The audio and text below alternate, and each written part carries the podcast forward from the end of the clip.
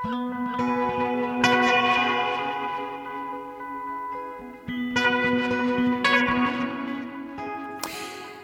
sæl og blessuð vísjá heilsar á getu hlustendur 5. daginn 20. og 7. november í frekar nöturlegu veðri við höldum okkur innan dýra í dag. Þátturinn í dag og næstu 5. daga verður með örlítið öðru sniði en venjulega við ætlum að bjóða upp á bóka viðsjá á 5. dögum fram að jólum fá reytufunda í heimsókn og heyra í þeim hljóðið og uh, já, fá þá ekki síst til að lesa úr nýjútkomnum bókum. Í dag koma hingað í hljóðstofu númer nýju, réttumundanir auður Afa Ólafsdóttir sem var að gefa út skáldsöguna Dýralíf, Áslaug Agnarsdóttir sem hefur þýtt sögur frá Sovjetríkjónum, 19 sögur sem að gefa Já, fjölbreytta mynd af sovjeskum bókmyndum allt frá byrjun aldarinnar og fram til fyrstu árana eftir, eftir að Sovjetrikin liðu undir lok. Er koma hinga líka Jónas Reynir Gunnarsson, höfundur skáldsögunar Dauði Skóar og Sölvi Björn Sigursson sem hefur þýtt ljóð eftir írska skáldið William Butler Yeats sem okkur af hans frægustu ljóðum. Við erum líka í þættinum í dag að heyra gaggríni um skáldsöguna Snertingu, nýjustu skáldsögum Ólafs Jóhanns Ólafssonar sem að við töluðum við hér í Víðsjá á dögunum. Það er Marjana Klara Lútersdóttir sem ætlar að fjalla um þetta verk svona um miðbygg þáttar eða um það byl. En við byrjum hér og nú velkomin í hljóðstofu bæði tvö auður afa Ólafsdóttir og Jónas Reynir Gunnarsson og til hamingju með ykkar nýju verk. Takk. Takk hjá það. Hvernig sæk ég að ykkur þessu, á þessum fymtu degim, í þessu óveðri sem er, já kannski yfirofandi, ég veit ekki hvort það er komið. Jú, en maður er ekki bara gladur mm -hmm. að vera til já. og að prófa það einu sinni. Það er ágætt. Þetta er mjög gott uppbrott í daginn. Já, einmitt. Úr þessu veðri, sko, já. hinga. Auður, þú ert að skrifa bók sem heitir Dýralíf, þú ert að skrifa um uh, ljósmóður og ljósmæður og þú ert að skrifa um gömul handrit og þú ert að skrifa um uh, já, íbúð sem er einhvers konar Sapnuð, þú ert að skrifa um dauðan er það ekki og ljósið líka uh, Viltu ekki taka við? Nokkru við þess að bæta Já, þetta er uh, söguhetja mín, hún býr í íbúð frængu sinnar, ömmu sýstur hennar sem er, er það eru báða ljósmaður og þar um, þetta er eiginlega dánarbú og þar finnur hún um, uh, hérna kassa undan síkita banunum og er með þar og þar í honum eru, eru þrjú handrit sem að uh, ömmusýsturinn hefur verið að, að vinna að um, og eitt er að heitir um í dýralíf. Mm -hmm. hefur undirtyktilinn rannsókn á því sem mannskeppnan er fær um. Já, þannig að dýrið er, er mandýr Dýrið er maðurinn sjálfur. Þetta, Þetta brótætta og... Viðkvæma og brótætta dýr sem að þú hefur held ég að talað um í, í viðtölum. Jónas Reynir, uh, það er skóur í þinni bók eins og titill gefur til kynna uh, Það er skóur sem að, já, rullar bara heldur niður fjálslið og rætur í þessum skói, eða við rætur hans eru, eru leifar frá, frá gömlu stríði. Gauti Krismansson, hann fjallaði um þína bók hér í Víðsjá um daginn og sagði þar einhver staðar heimurinn gengur ekki heil til skóar. Segðum við aðeins frá, frá þessari þriðju skálsöðunni. Já, þetta, uh, hún fjallar um fjölskylduföður í, í litlu þorpi út á landi sem að hefur verið að rækta skó á samt föður sínum allæfi stutt fyrir utan þorpið og hann er svona, hann er búin að selja reksturinn og sittur á tölvurum fjárhæðum og hérna sér fyrir sér bara að, að hanga á þessum griðastað sínum mm -hmm. en þá gerist það að, að eins og segir að hérna, eftir mikla regningar þá fellur auðskriða í hlýðinu þessum skórin stendur og, og þetta kemur í ljós. Já. og já, hann er svona, hann er svona að díla við þetta örvendingu um að vera reyndur eh, griðasta sínum og, og svona kyrða og ró. Já, einmitt. Eh, Þú sagður einhver staðar að, að já, svona einn kveikja eh, að bókinni hefði verið svo að þú hefðir heyrt í hvaða NATO-flúvel fljúa yfir fljóttals hér að raska róðinni Ég var í Fellabæ uh, ég er þaðan og fer þanga á sumrun og yfir jólinn og fer eiginlega bara eins og óttu að gett satt hann út á palli á æsku heimili mínu, heimili fóröldur minna og var að drekka kaffibotla í þessu undislega veðri sem er alltaf fyrir austan. Og það er svona sjaldan sem maður tekur eftir einhvern veginn mómentinu sem maður er í mm -hmm. og ég, fann, ég hugsaði bara hvað þetta væri mikil kyrð sem er náttúrulega inn á ástæðanum fyrir það að ég sækja alltaf aftur þangað. Og þá eins og væri bara kjúað upp heyri ég svona drunur fyrir ofað mig og þá er þetta eftirlitsflugi, það er náttúrulega flugullur hana rétt hjá. Og þá voru einhverjir e, ítalski herin eða einhverjir sem voru að, voru að passa okkur e, að fljúa þann yfir, eftirlitsflug. og það var svona emitt þetta með heimur gengur ekki heilt í skóar það var svona áminning um að þessi þessi hérna friðsæli staður tilherir þrátt fyrir allt veröldunni mm -hmm. það sem að ræðilega hlutir gerast. Já, auður það eru hvað þrjárið að fjórar kynnslóðir ljósmaðra í þinni bók ekki satt? Af hverju ljósmaður? Já, þetta er eh, eins og þú saðir bókum um ljósið. Ég er að skoða það þannig í mesta myrkrinu en það er líka aðra starfstjættir sem tengist ljósinu, það er rafvirki, það er -hmm. alltaf að fara perur hjá söguhetjunum minni og það er þarna Björgunarsveit sem er skipuð konum, aðalega helbriði starfsmannum, ljósmaðurum líka og, og leysugumæður í norðurljósaferð þannig að það eru, það eru fleiri en, en hérna fleiri en ljósmaður sem koma af í sögu. Já, emitt, nákvæmlega. Um, Þú talar um greiðastað, eh, Jónas. Ég hef svona einhvern veginn á tilfinningunni að, að svona, já, ymsar bækur sem er að koma út núna þessar vikurnar að það er fjalli, já, mögulega um einhverja ógn sem að getur, já, ógna þessum greiðastað sem mörg okkar sækjast í, menn eru jú að skrifa um lofslagsvá og, og, og koronaveiran kemur við sögu til dæmis hjá Ólafi Jóhanni Ólafsinni og Jóni Kalmann. Stefánsinni eh, auður, er hérna er þetta tím er, er þetta, er þetta lifa tíma sem er einhvern veginn já það sem beigurinn er, er ansi sterkur eða hefur þetta bara alltaf verið þannig? Já og nei en þetta er, ég get svo sem alveg tengt mig við það, það er svolítið erfitt að vera samtíma manniska á þess að hugsa um þessi mál mm -hmm.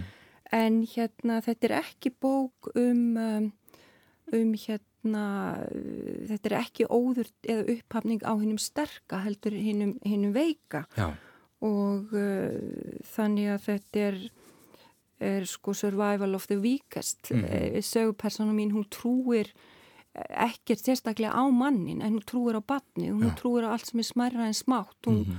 hún, hún er hérna það er allt sem er nýgótið, kettlingar og og lömp og brotætt eggfugla, ungar í hreyðri og, og, og jafnvel hérna kartublusmælkið mm -hmm. peikir í henni, henni hérna undrun og fegurðakend.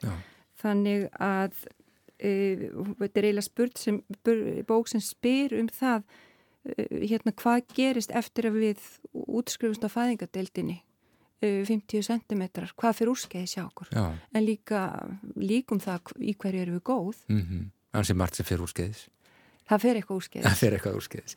En þessi lýsing þín uh, núna á, á þessu verki, þetta er eitthvað sem að held ég að lesendur þínir kannist við. Uh, þú ert ekki að skrifa um, um hinn sterka, heldur, heldur uh, hinn, hinn veika.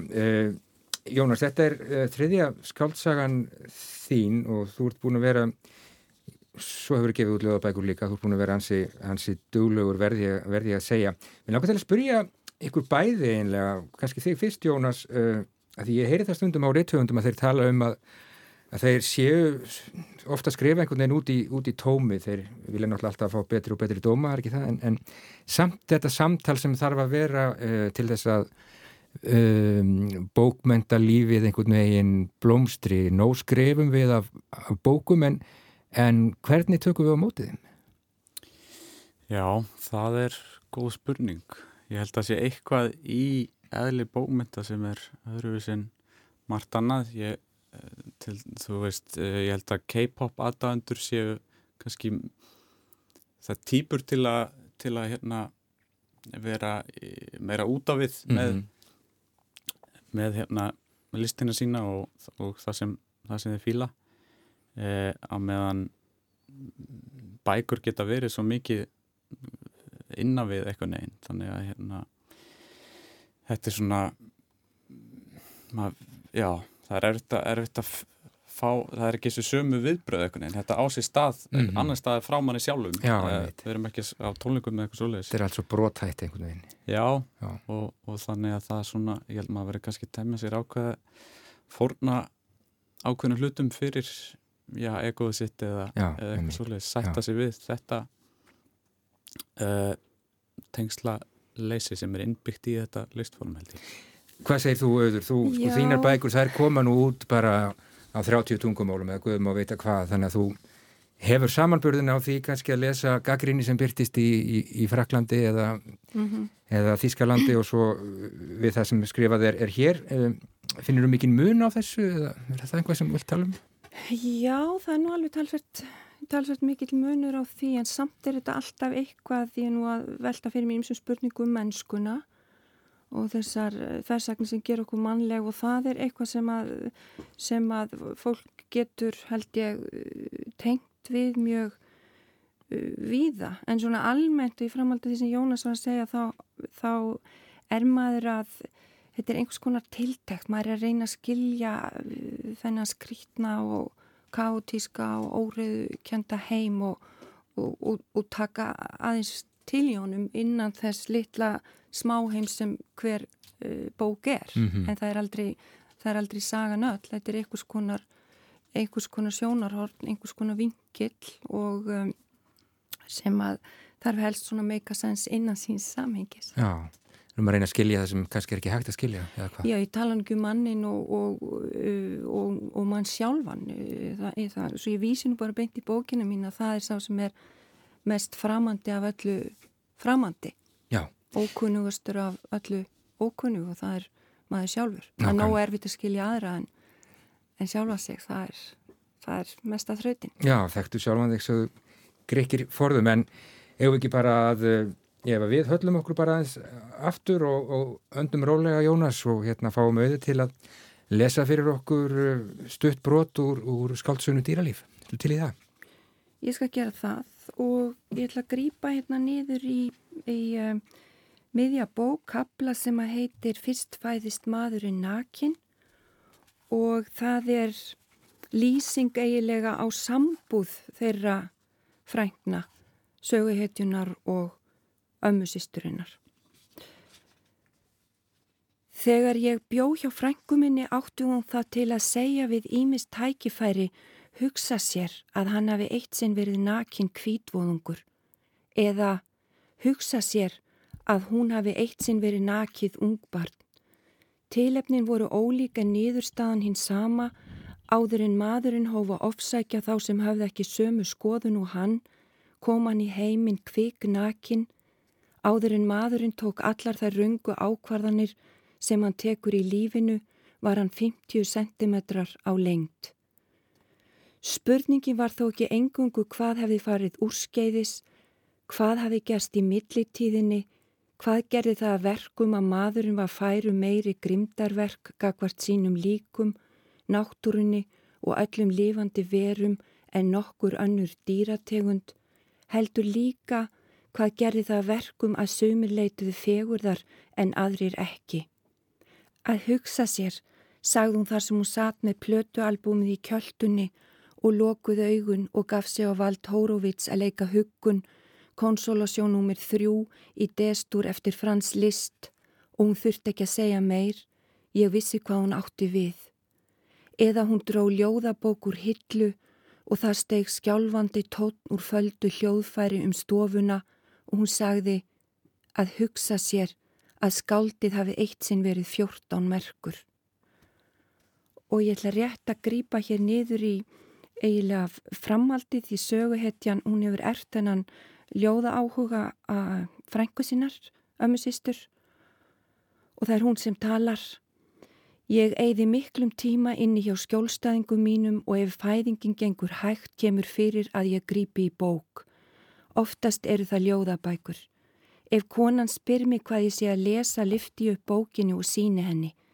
Í nokkur skipti hefur kona beðið mig að lesa upp átt fyrir sig og þá ger ég það. Ég hef einu sinni verið kölluðin til yfirmanns sem hafði fengið ábendingu frá maka um það að ég hefði lesið ljóð um þjáningu og sonarmissi fyrir konuna hans. Það gæti hafa verið Anna Akhmatova, sagði ég. Hún misti són í hreinsunum Stalins. Mörgum konum finnst gott að vita að þær eru ekki þær einu sem þjást, bæti ég við. Þegar ég hugsaði mig um, myndi ég eftir einni konu sem bað beinlínisum ljóðum dauðan. Til vonar og vara hafði ég spurt, ertu viss? Alveg viss, svaraði hún.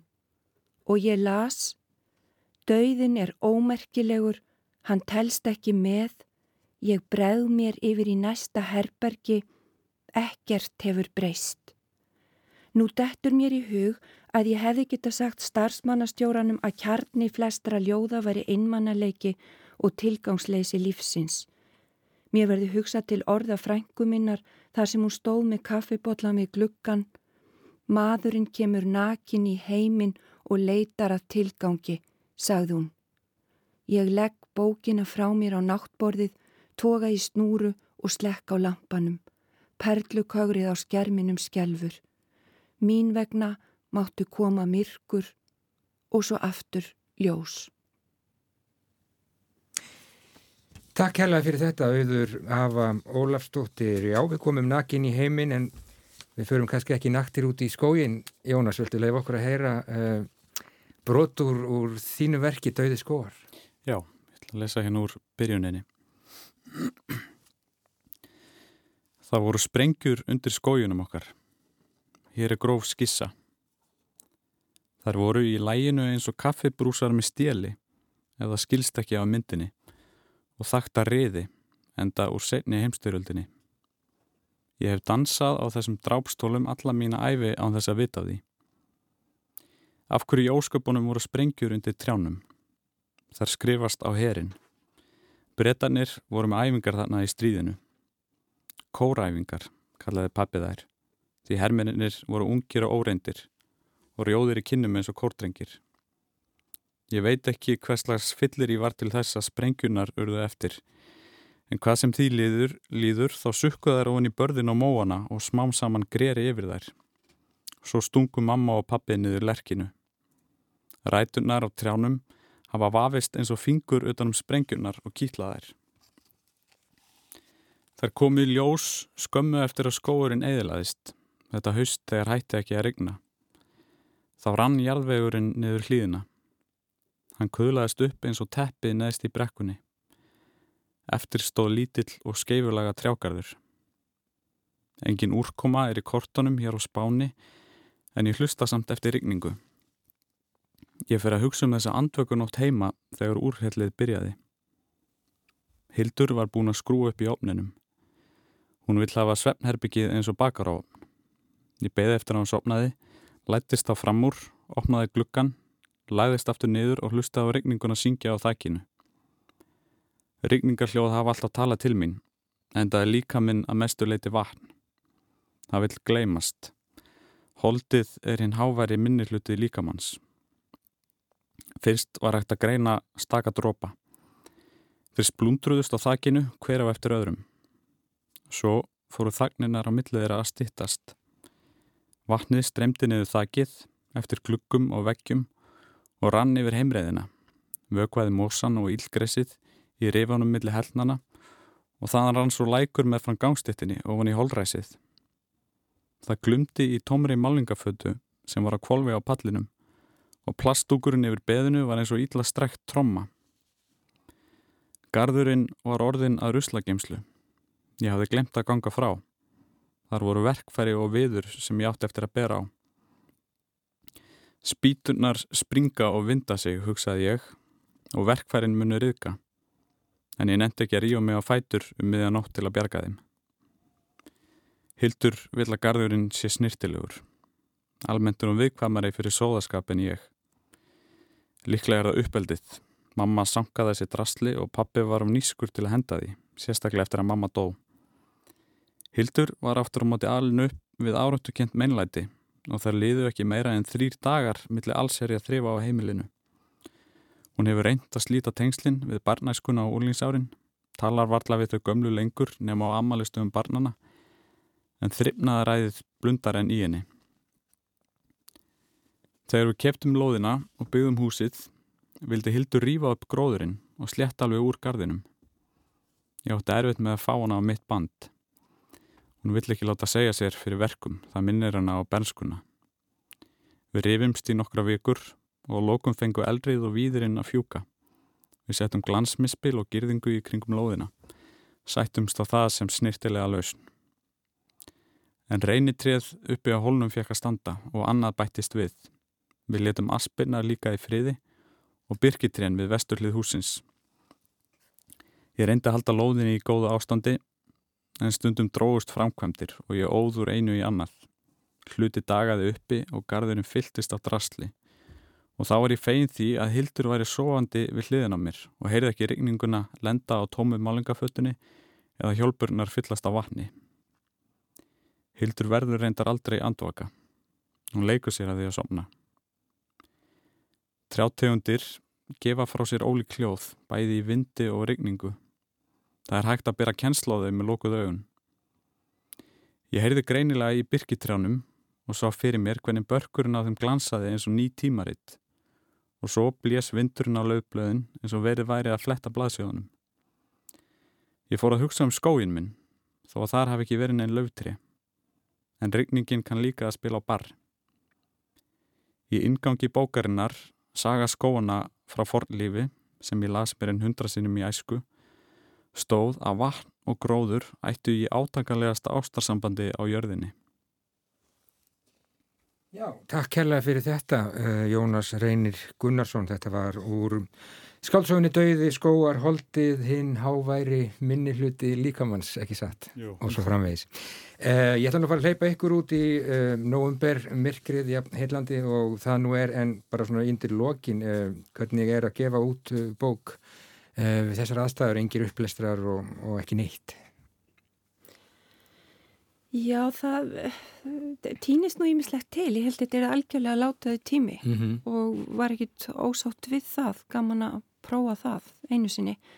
En um, ég hef nú verið í, í hérna Varsjá og Vilnius Já. og Mosku, mm -hmm. alltaf bara heima sko við borstofbarðið að þessum sum hátjum og... Uh, og síðan stóð nú til að, að ég er í Keflavík í kvöld en mm. mér skilt að það sé búið að fresta því vegna veðus. Vegna veðus en bara einn, við erum þó meðlega bara einn skáldin og svo já, er því streng Hvað segir þú Jónas? Er það er svona skrítið Þetta er skrítið sko, en það er líka takkifæri til að ég bara fór að hugsa um daginn þegar ég var með upplæstur á Zoom eða Teams eða eitthvað sem fór þetta ég var inn í svefnherbygginu mínu og það sást bara ég bara bjóðum rúmið og svo var ég að lesa upp fyrir fólk þannig að það á einhverju liti verður eitthvað nýtt, nýtt til kannski fólk fær aðra upplifin það var að sjá söfn hefur ekki manns allavega. Nákvæmlega uh, Með uppabúinu rúmi. Já, já. uppabúinu rúmi, já, nákvæmlega.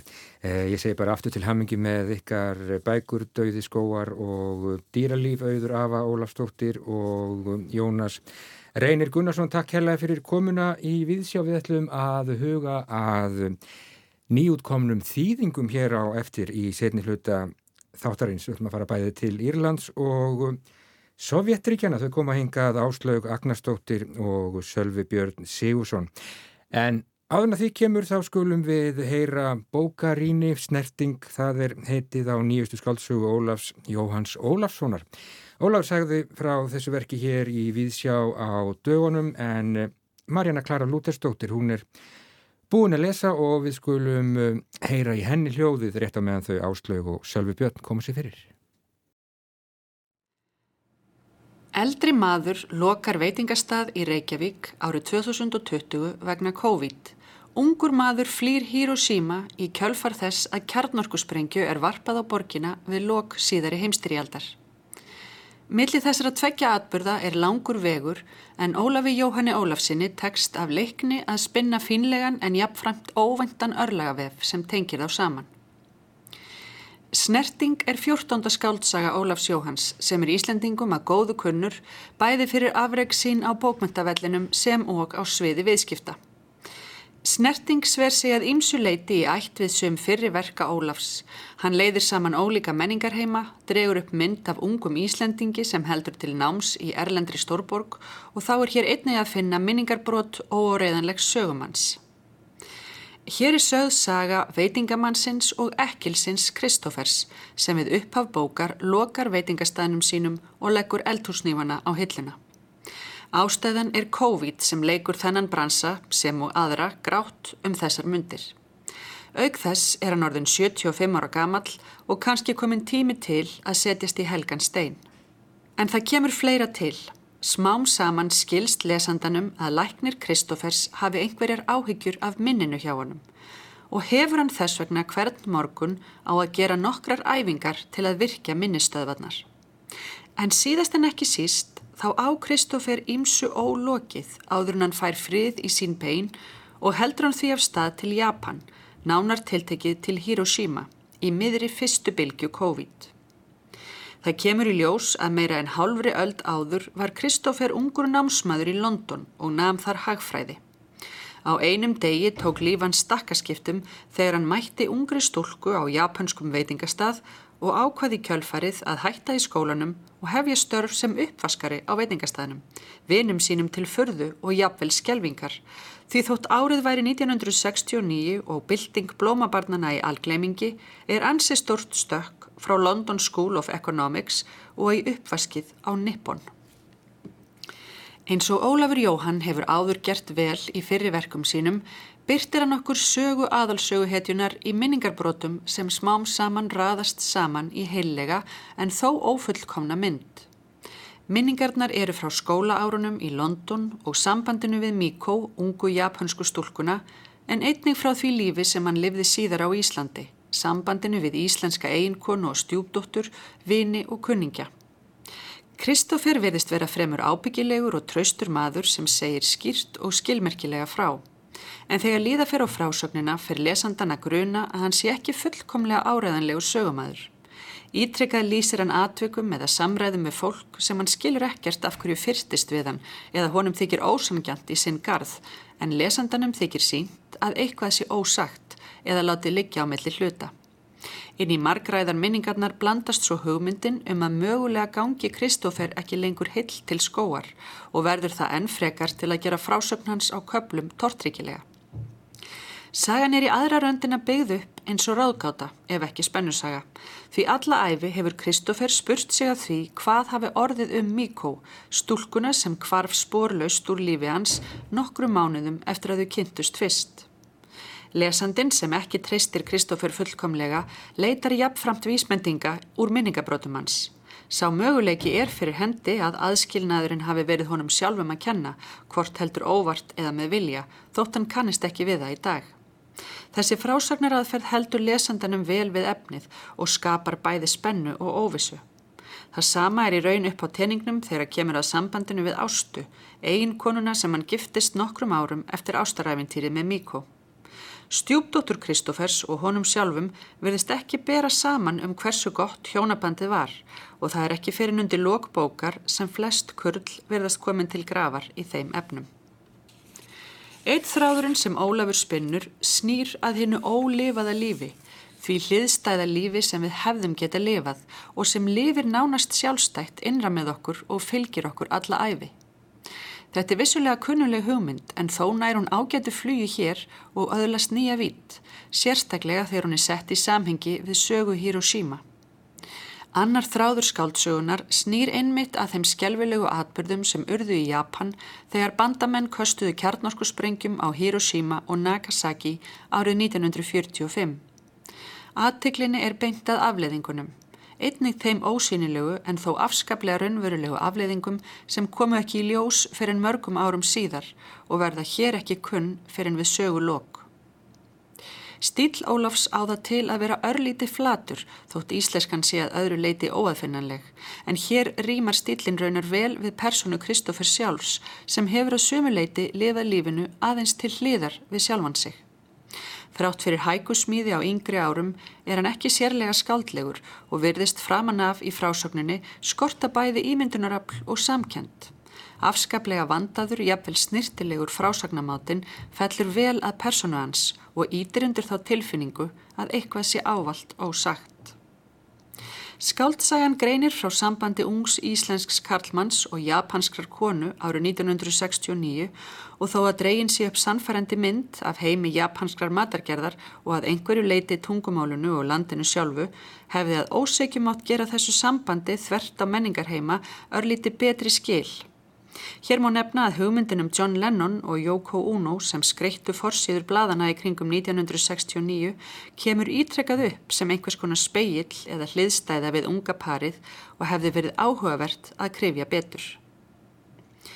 Það er aðtikli verst að samband Kristófers við Míkó er alltaf sveipað dölúð og jafnvel hálf órunverulegt á meðan sambandi við föður hennar Takahashi-san, eiganda veitingastæðarins, er í raun mun áhugaverðara og að samaskapi er persóna hans heitlandi og margræð á meðan dóttirinn er eins og draumur sem skreppur sífelt undan frekari skilgreiningum. Sögulokk eru ekki fyrirsjáanleg en frágangur sumra enda mögulega aðeins of snirtilegur. Erfitt samband Kristófers við stjúpdóttur sína og flækjur í samskiptum þeirra fjara þannig dálitið út og sömuleiðis sjúkdómsenginni hans. En einhvað síður má finna á síðustu blaðsíðunum fingjarða von og friðsælt þrátt fyrir undangengnar hörmungar söguhetjana sjálfra og borgarinnar sem þau dvelja í. Og það er erfitt annað en að rífast með. Snerting er lástemt og vandað skáldverk sem hefði mögulega mátt við aðeins meiri óreiðu en eins og vel smíðuð hæka segir snerting stærri sögu en virðist við fyrstu sín og sleppir lesandanum ekki auðvildlega. Já, þetta segði Marjana Klara Lútersdóttir um, um skáldsöguna Snertingu eftir Ólaf Jóhann Ólafsson. En við ætlum að huga að nýjum þýðingum hér í setni hluta bóka Víðsjár í dag. Eh, Hún er sett hérna hjá mér, hún Áslaug Agnarstóttir sem var að gefa út ansi áhugaverða bók sem að heitir Sögur frá Sovjetríkjónum. Hún gaf út uh, fyrir þremur árum held ég, 2017 uh, bók sem að sömulegis var mjög áhugaverð og hefur að geima uh, smásögur frá, frá Rúslandi og þar erum við á, á 19. öldinni með öll, öll stóru skáldin Gogol, Dostojevski, Turkinjev og, og alla þá. Sölvi Björn Sigursson, hann ætlaði líka að vera með okkur en hann geti mögulega verið bara fastur í umferðu, við skulum bara sjá til hvort að hann byrtist, hann var að gefa út þýðingar á nokkrum af frægustu ljóðum eftir írska ljóðskáldið William Butler Yeats. En verð þú hjartanlega velkomin áslögu til hamingi með sögur frá, frá Sovjetregjónum. Sko, þetta eru, þetta eru 19 sögur og þarna eru nú sennilega frægustu höfundarnir, allavega þeir sem við þekkjum hér, Maxim Gorki og og Solzhenitsyn sko, menn vita nú hvers slags gullöld var í bókmyndum í Rúslandi á 19. öld en, en hvað getur maður sagt um, um 20. öldin og, og, og Sovjetrikin? Já, 20. öldin er náttúrulega svolítið frábröði 19. Já. öldinni en það eru mjög áhugaverðir höfundar sem er að skrifa Já. alveg frá upphafi aldarinnar og uh, þar til henn, þar til einlega bara alla öldina má mhm. segja. Mm, já og uh, sem sagt hún heitir Sögur frá Sovjetríkjónum en hún nær, ég leifði mér að tegja mig í báðar áttir. Elsta sagan er frá 1899 en er svona kannski undanfari byltingarinnar og lýsir uh, svona lífi uh, fátækra verkamanna. Og uh, svo tegi mig alveg fram til 2005 Já, einmitt. Þannig ég er að dekka einlega alla öldina. Já, löngöld Já, löngöld einmitt. En það segir nú bara hérna á baksíðu uh, bókarinnar að, að 20. öldin hún uh, hafi ekki síður verið merkilegt tímabili í sögur rúsneskra bókmænta en svo 19. Það er, það er hans sem ekki sagt Já, já, en uh, sko ég held að ég var að leita því sem sagt að hugsa hvort það væri einhver auður þráður í þessum sögum Já, af því að þær eru mjög ólíkar og höfundarnir mjög ólíkir og ég held að rauði þráðurinn ef, að, ef hægt er að segja svo sé það að allir þessir höfundar lendu í remmingum Já. og uh, voru á einhvern hátt sem sagt uh, ekki hlýðhóllir sovjeskum mhm, yfirvöldum mm -hmm, nema kannski Viktoria Tokarjeva Já, mjög fróðlegt að lesa æfi ágrip höfundana sem að þú tekur saman hérna undir undir logbókar og já þarna er þetta allt auðvitað rítskoðuninn og, og fangilsisvistanir og svo framvegis og svo framvegis. Já, þeir lendu... Þetta er alltaf einhvern veginn alvöru hjá rúsunum. Já, Já, þeir lendu margir í því sem sagt að fá ekki verk sín útgefin mm -hmm. eða þurfa að fara í útlegð Já. eða lendi í fangilsi og tveir með þess að einn allavega af þessum hann lést í fangilsi Já, og það er hann Babel, Ísak Babel. Já. Sko, einhvern veginn hefur maður á tilfinningunni að, að, að, að rússar hafi svona, já, náð mikilli uh, fullkomnun í svona einhvers konar, af því að þeir þurftu að tala undir rós, uh, fullkomnun í einhvers konar, hvað maður að segja, háðs ádeilu eða einhverju sem að var hægt að tólka kannski á ymsa vegu en þeir skildu sem skildu? Já, það er til dæmis einn höfundur sem heitir hérna Mikael Sosinko. Hann er, hann er svona háðsfugl sem gerir... Einmitt svona sem hæðist að samfélaginu Já. og það er gert svona undir rós. Já, nákvæmlega. Og við þekkjum náttúrulega uh, mann sem að hétt Daniel Karms. Já, og Daniel Karms, Já. ekki síður. Já. Já, sem að hérna er þarna í nýju bókinni og, og þið náttúrulega þýttuð fyrir árunnu. Uh, skemmtilega bók eftir hann, uh, þið Óskar Árni Óskarsson, gamlar konur detta út um glugga, er það ekki? Jú, jú. Já, mjög skemmtilegt. Það var En hérna gengur salin Sölvi Björn Sigursson, hjartalega velkomin Sölvi. Uh, til hafingi með uh, þessar þýðingar á já, nokkrum af frægustu ljóðum uh, Williams Butlers Yeats þetta írska stórskáld sem að, já, einn frægasti rítufundur Íra fættur árið 1865 er það ekki, segð okkur aðeins frá, frá Yeats. Jú, hann var fættur það ár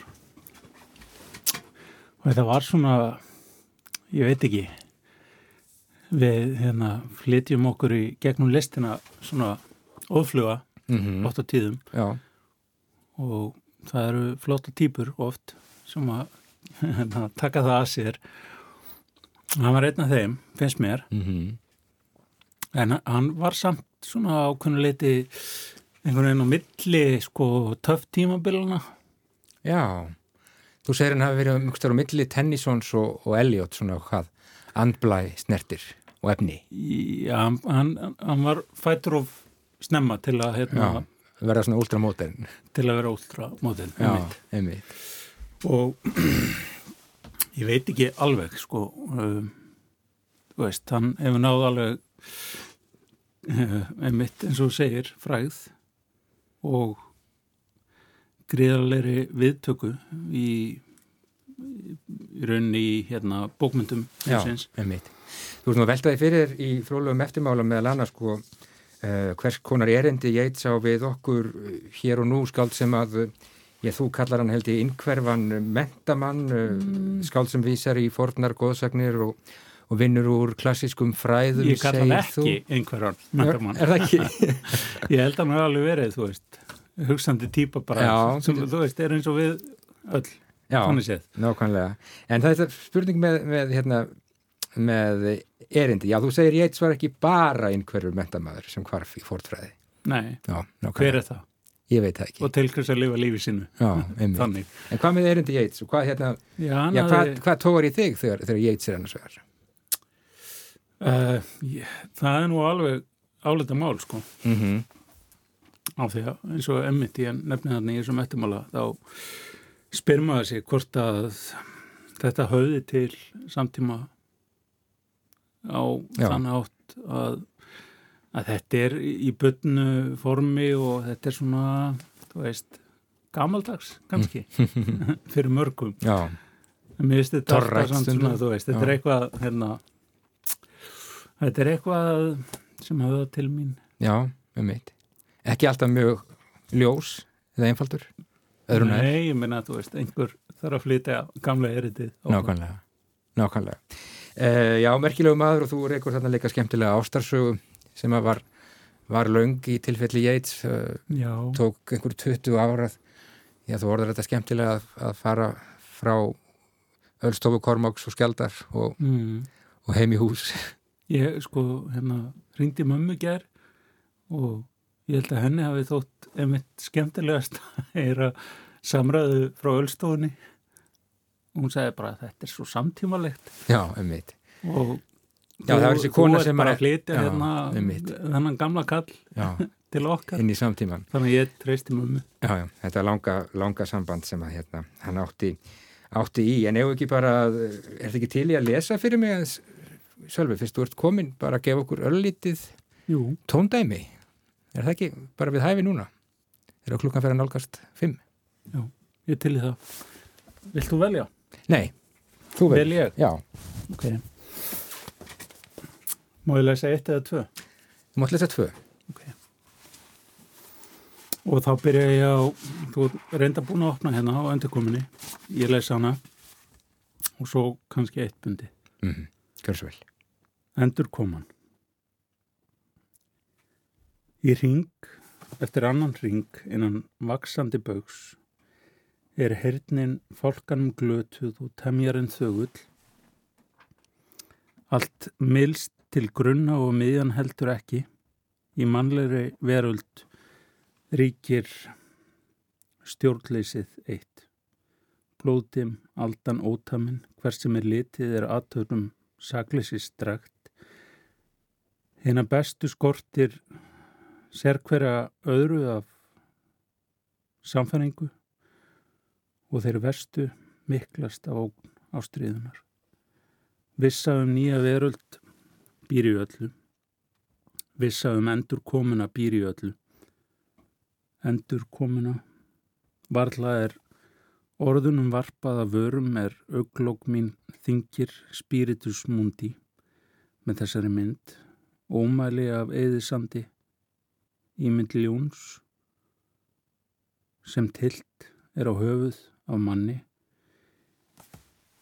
Í ómlausu bliki og samáðarlausu eins og sólar særir hægt fram lærin og allt um kring falla á sandinskukar af skúm fuglum auðnar.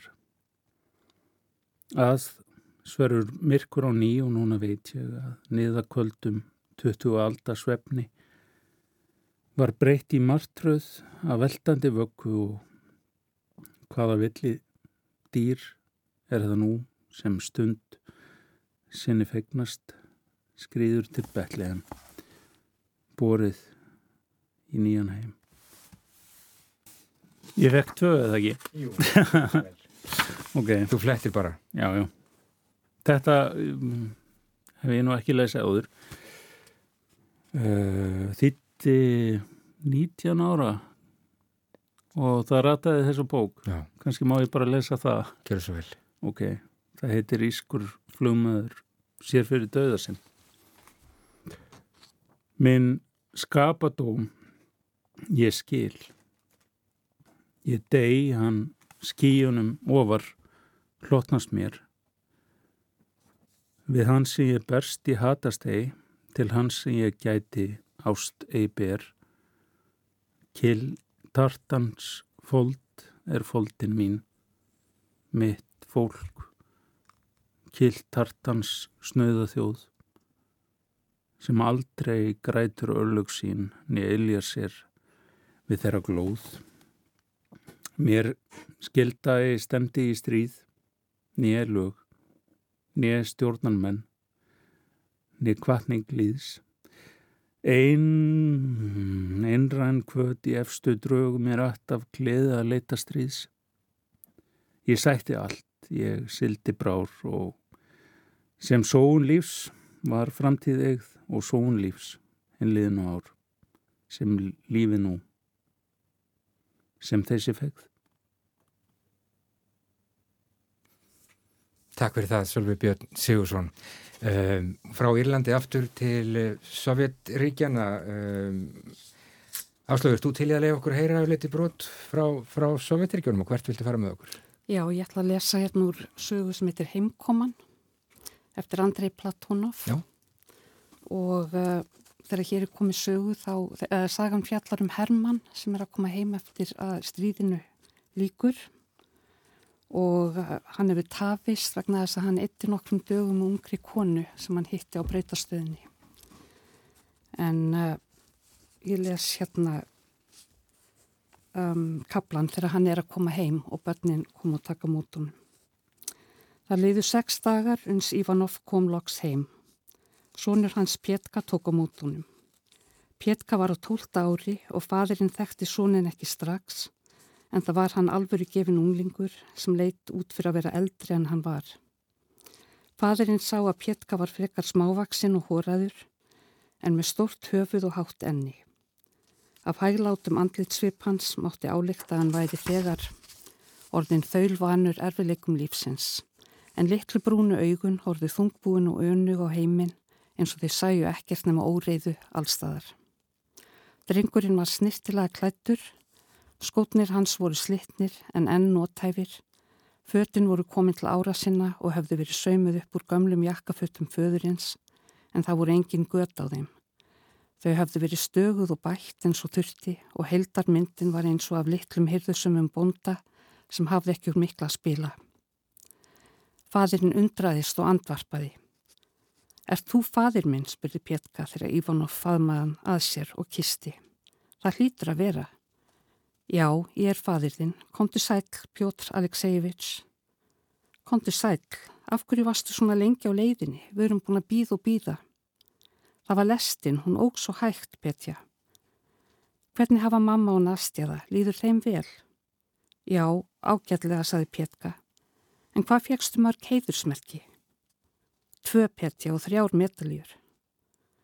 Við mamma heldum að það myndi ekki sjást í jakkan fyrir heiðursmerkjum.